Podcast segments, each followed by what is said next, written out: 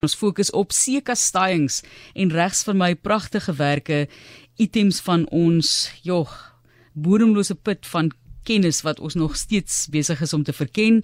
En saam met ons in die ateljee is die kurator van die Twee Oseane Aquarium. Dit is in Marine Maand wat ons met Tinus Bekes gesels. En ons kyk na een van die seediertjies wat ons nie eet nie maar wel in Japan 'n groot mark het. Ek dink hulle kan seker nog lekker wees. Hoe ver weg is 'n seekastuing van al die kreek al die kruk Jong Martelies, eintlik nog 'n redelike entjie. Is dit? Okay. Moet ek bieg, ja. Goed. Maar maar ook 'n ongewêreldier, 'n skulptuur en baie van die luisteraars sal hom eerder ken as 'n pampoentjie. Ja, so ek wil ja. nog gevra het vertel vir ons Hmm. in die watter kategorie moet jy val om 'n seekastuing te wees? Hoe werk dit? Jong, hy's 'n echinoderm.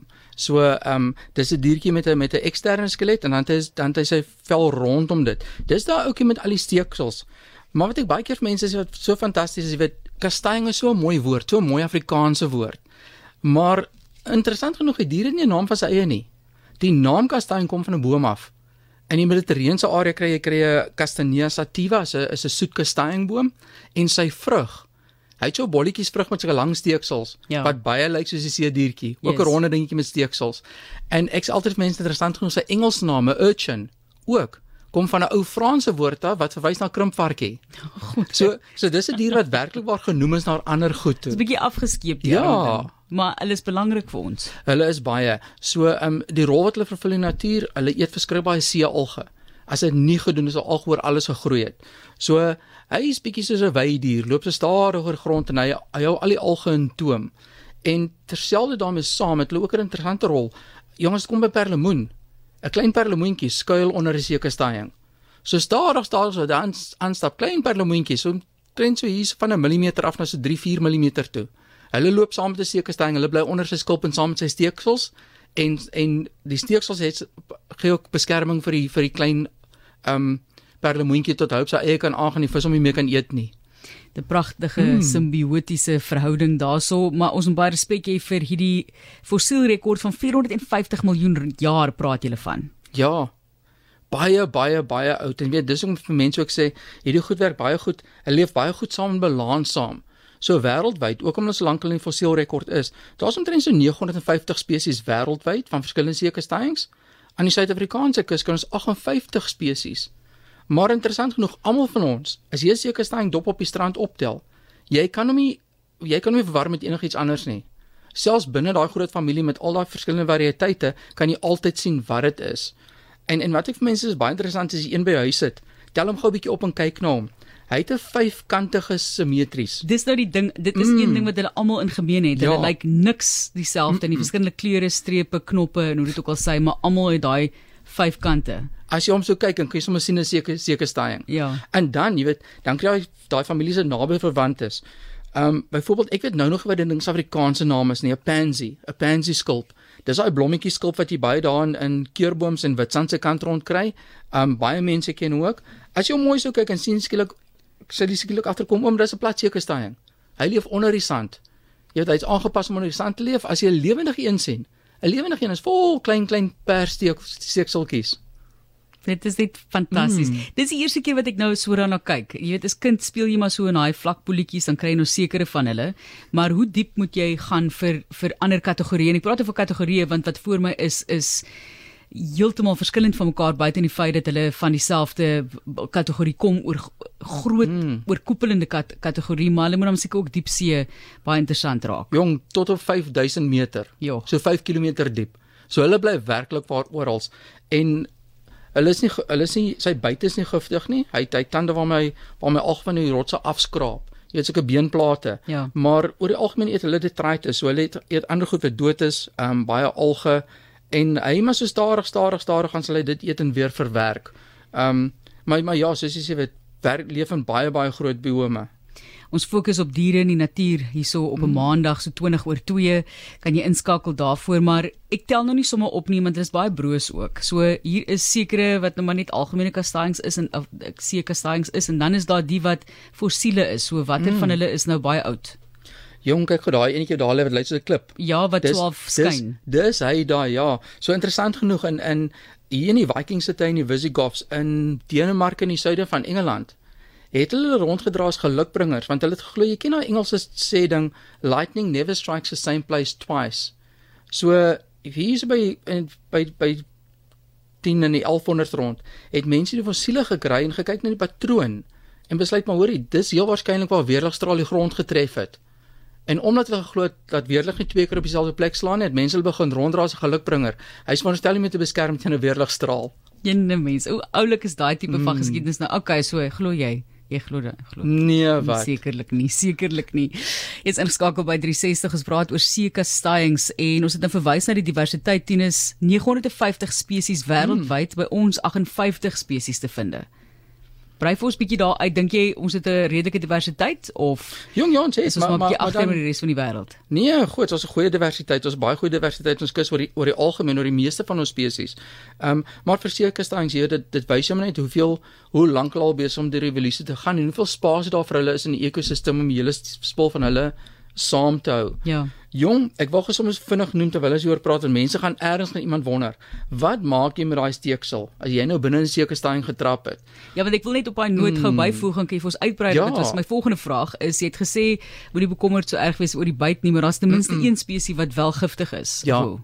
Dis dis 'n blomsekerstying. Jy kry hulle net in tropiese waters. Okay. So wat die ouetjie het, as jy so sommer so in die getypel na hom kyk, die ding wat ons almal uitstaan is daai lang steeksels.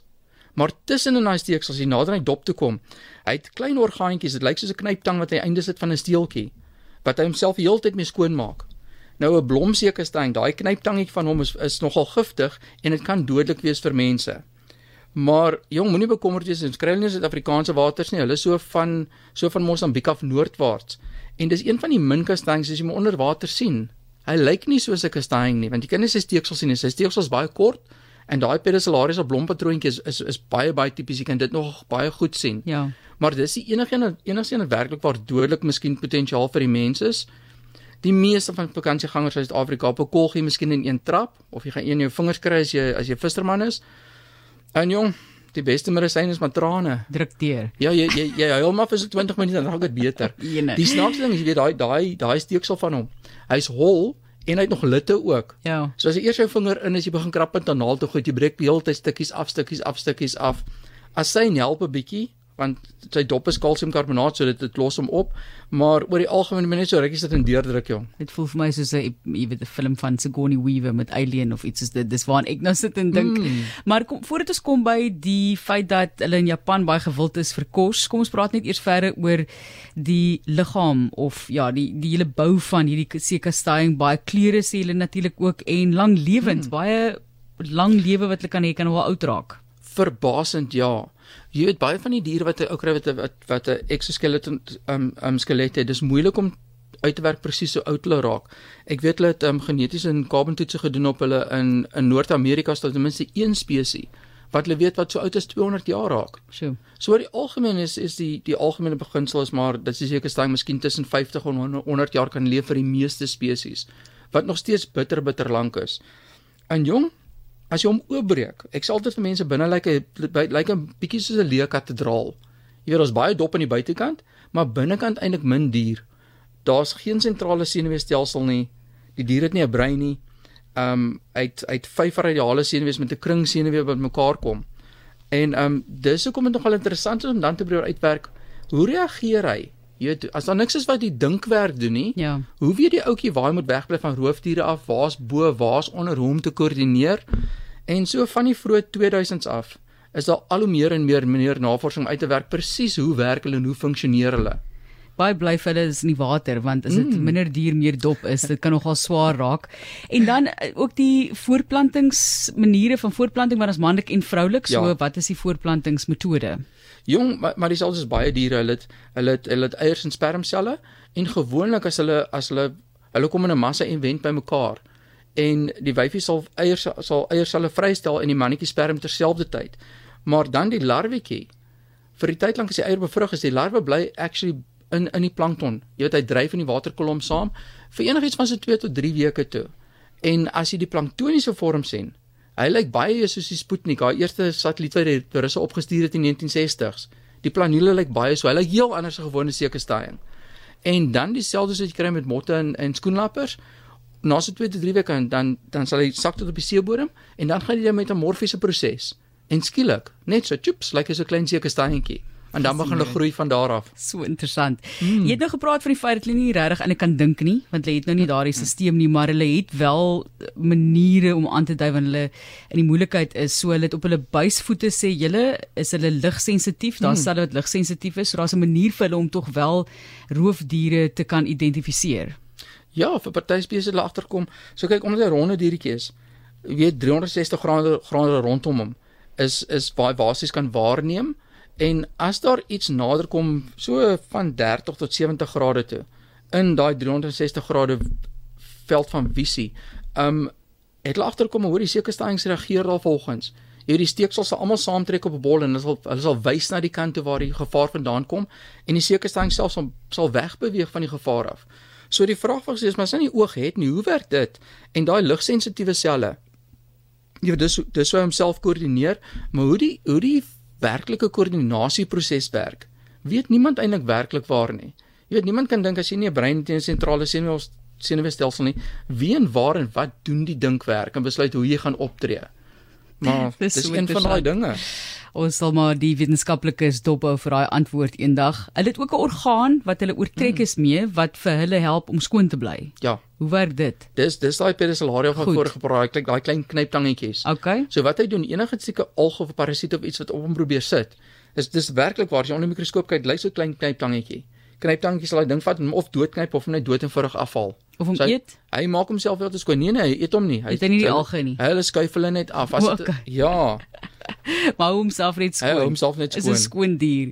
Ons gesels oor seekasteiings indien jy pas by ons aangesluit het en 'n fascinerende geskiedenis natuurlik ook van hierdie dier wat ons eh, minder van weet is wat ek dink ons behoort te weet. Dis hoe ek maar daaroor voel. 450 miljoen jaar terug is die fossiel rekord en Tinus Bekes, die kurator van die Twee Oseane Aquarium wat vir ons meer vertel. Die Griekse filosoof Aristotel het nogal sterk gevoel oor hierdie diertjie en daar's 'n sekere deel van die dier wat mm. vernoem is na hom. Ja, dis die monddele.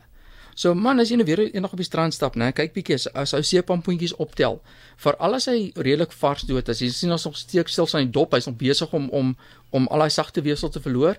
Baie keer as jy dop optel en jy skud hom, dan hoor jy binne hom ra waar ratel iets rond. En partykeer kom dit uit as vyf verskillende stukkies, partykeer lyk dit so 'n klein toringkie. En hoe dit lyk is daai hele struktuur uit al dis 'n beenstruktuur, nie 'n beenstruktuur, dis 'n skulpstruktuur, maar met met met met gaatjies tussenin. Hy lyk baie soos 'n ou tyd se lantern. So Aristoteles het daarna gekyk en hy het dit beskryf as 'n lantern. Hy het self nie heeltemal geweet wat dit is nie. Maar omdat hy die eerste mens is wat dit beskryf het, tot vandag toe nog daar daai daai hele monddele, daai hele konstruksie word nog verwys as as Aristoteles se se lantern. Hoe mooi. Ons gaan nou nou kom by die naam, maar kom ons kyk nou hoe baie daarvan geëet word en gebruik hmm. word en dan in dieselfde sin ook is hulle bedreig enigsins of is daar genoeg van hulle om hulle ding te doen in ons doen in ons oseane? Jong, dis 'n baie goeie vraag. Of hulle bedreig is of nie hang af van watter deel van die wêreld jy is. Nie alle sekerstellings is eetbaar nie en die deel van hom wat eetbaar is, is die is basies die orgaan waar jy eierselle hou in die in die in die wyfie. So as jy dop oopbreek en jy sien dis dis gewoonlik 'n 'n baie um 'n baie sterk oranje kleur en dis nie werklik waar iets waarvoor daar groot mark in die weste is nie, maar in die ooste, veral in Japan. Japan sal so 80 tot 90% van die wêreldproduksie van sekerstelling eiers elke jaar eet en op die oomblik werk dit uit op omtrent so 75000 ton per jaar sekerstellings wat geëet word. Sjoe. Ek weet in die vroeë 90's was daar mon het die ouens omtrent so 125000 ton per jaar in versamel, maar ook dit hang af waar in die wêreld jy is en watter spesies dit is. So in sekere areas doen sekerstellings baie baie goed. In ander areas nie, dit hang af of hulle eetbare spesies is of nie. En dan ook oor wat in daai deel van die see gebeur. Jy weet baie van die diere omdat hulle so lank tyd ontwikkel het, hulle is baie sensitief aan temperatuurskommelinge. So as die see begin warmer word, dan sal of die seekastangs vrek of partykeer wat gebeur is van hulle roofdiere vrek of kry kry 'n siekte. Um byvoorbeeld as die seesterre minder raak, as seesterre doodgaan dan sal meer seekastangs. As jy meer krewe kry, is daar minder seekastangs want die krewe eet weer die seekastangs op hulle beurt. So um dis dis dis sensitief ou moet nogal baie mooi kyk hoe werk dit in die area waar jy is. Um maar dit is 'n dier wat sensitief is vir vir temperatuurskommelinge, um veranderinge in die suurgehalte in die water, um baie vir vir swaar metale ook. Jy weet hulle gebruik hulle baie keer om te kyk of daar of die omgewing basies gesond is. Hy's 'n baie goeie baie indikator van van hoe gesond jou seelevel en omtrek is. Wys net vir jou daardie siklus of die sirkel van die natuur laastens sy naam asseblief, kastaying. Kastaying. Kom van die kom van die kom van die kastanjeboom af. So kastanje is vroeër genoem natuurlik ja. Dis ja, dis die latynse woord. Maar ehm um, kastanja is vir is dit hulle toe vertaal in Nederlands. In Nederland is 'n kastanjeboom. En as jy dink as jy praat van kastanjes, kastanjes, die woord klink baie naby aan kastaying. So dis maar iets wat so verwater het om aan om werkings aan kastaying toe. En ehm um, jong, dis nie 'n boom wat ons in Suid-Afrika werklik waar kweek nie. Dis jou Engelse chestnut. As mense ooit wonder wat 'n chestnut is, roasted chestnut, 'n chestnut is 'n is 'n kastaying. Dis waar daai gesegde kom van die kastaying uit die vuur uitkrap want daai kastanje verwys na seker kastanje toe hy verwys net vrug van die boom toe. Ehm um, en as ou kyk hier in die Kaapstad hier is rondom Rondebos en Nieuweland se omgewing, kry jy nogal redelik baie kastanjebome, maar nêrens in Suid-Afrika verbou as 'n landbouproduk nie.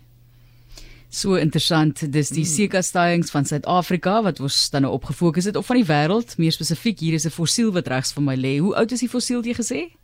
Jong, ek weet, weet hulle hulle is hulle in die fossiel rekord van 450 miljoen Goed. jaar teruggeval. Maar ons weet nie hoe oud hierdie een is nie. Ek weet nie hoe oud die ouetjie is nie okay. nie. Maar is waardevol, waardevol. Alle respek.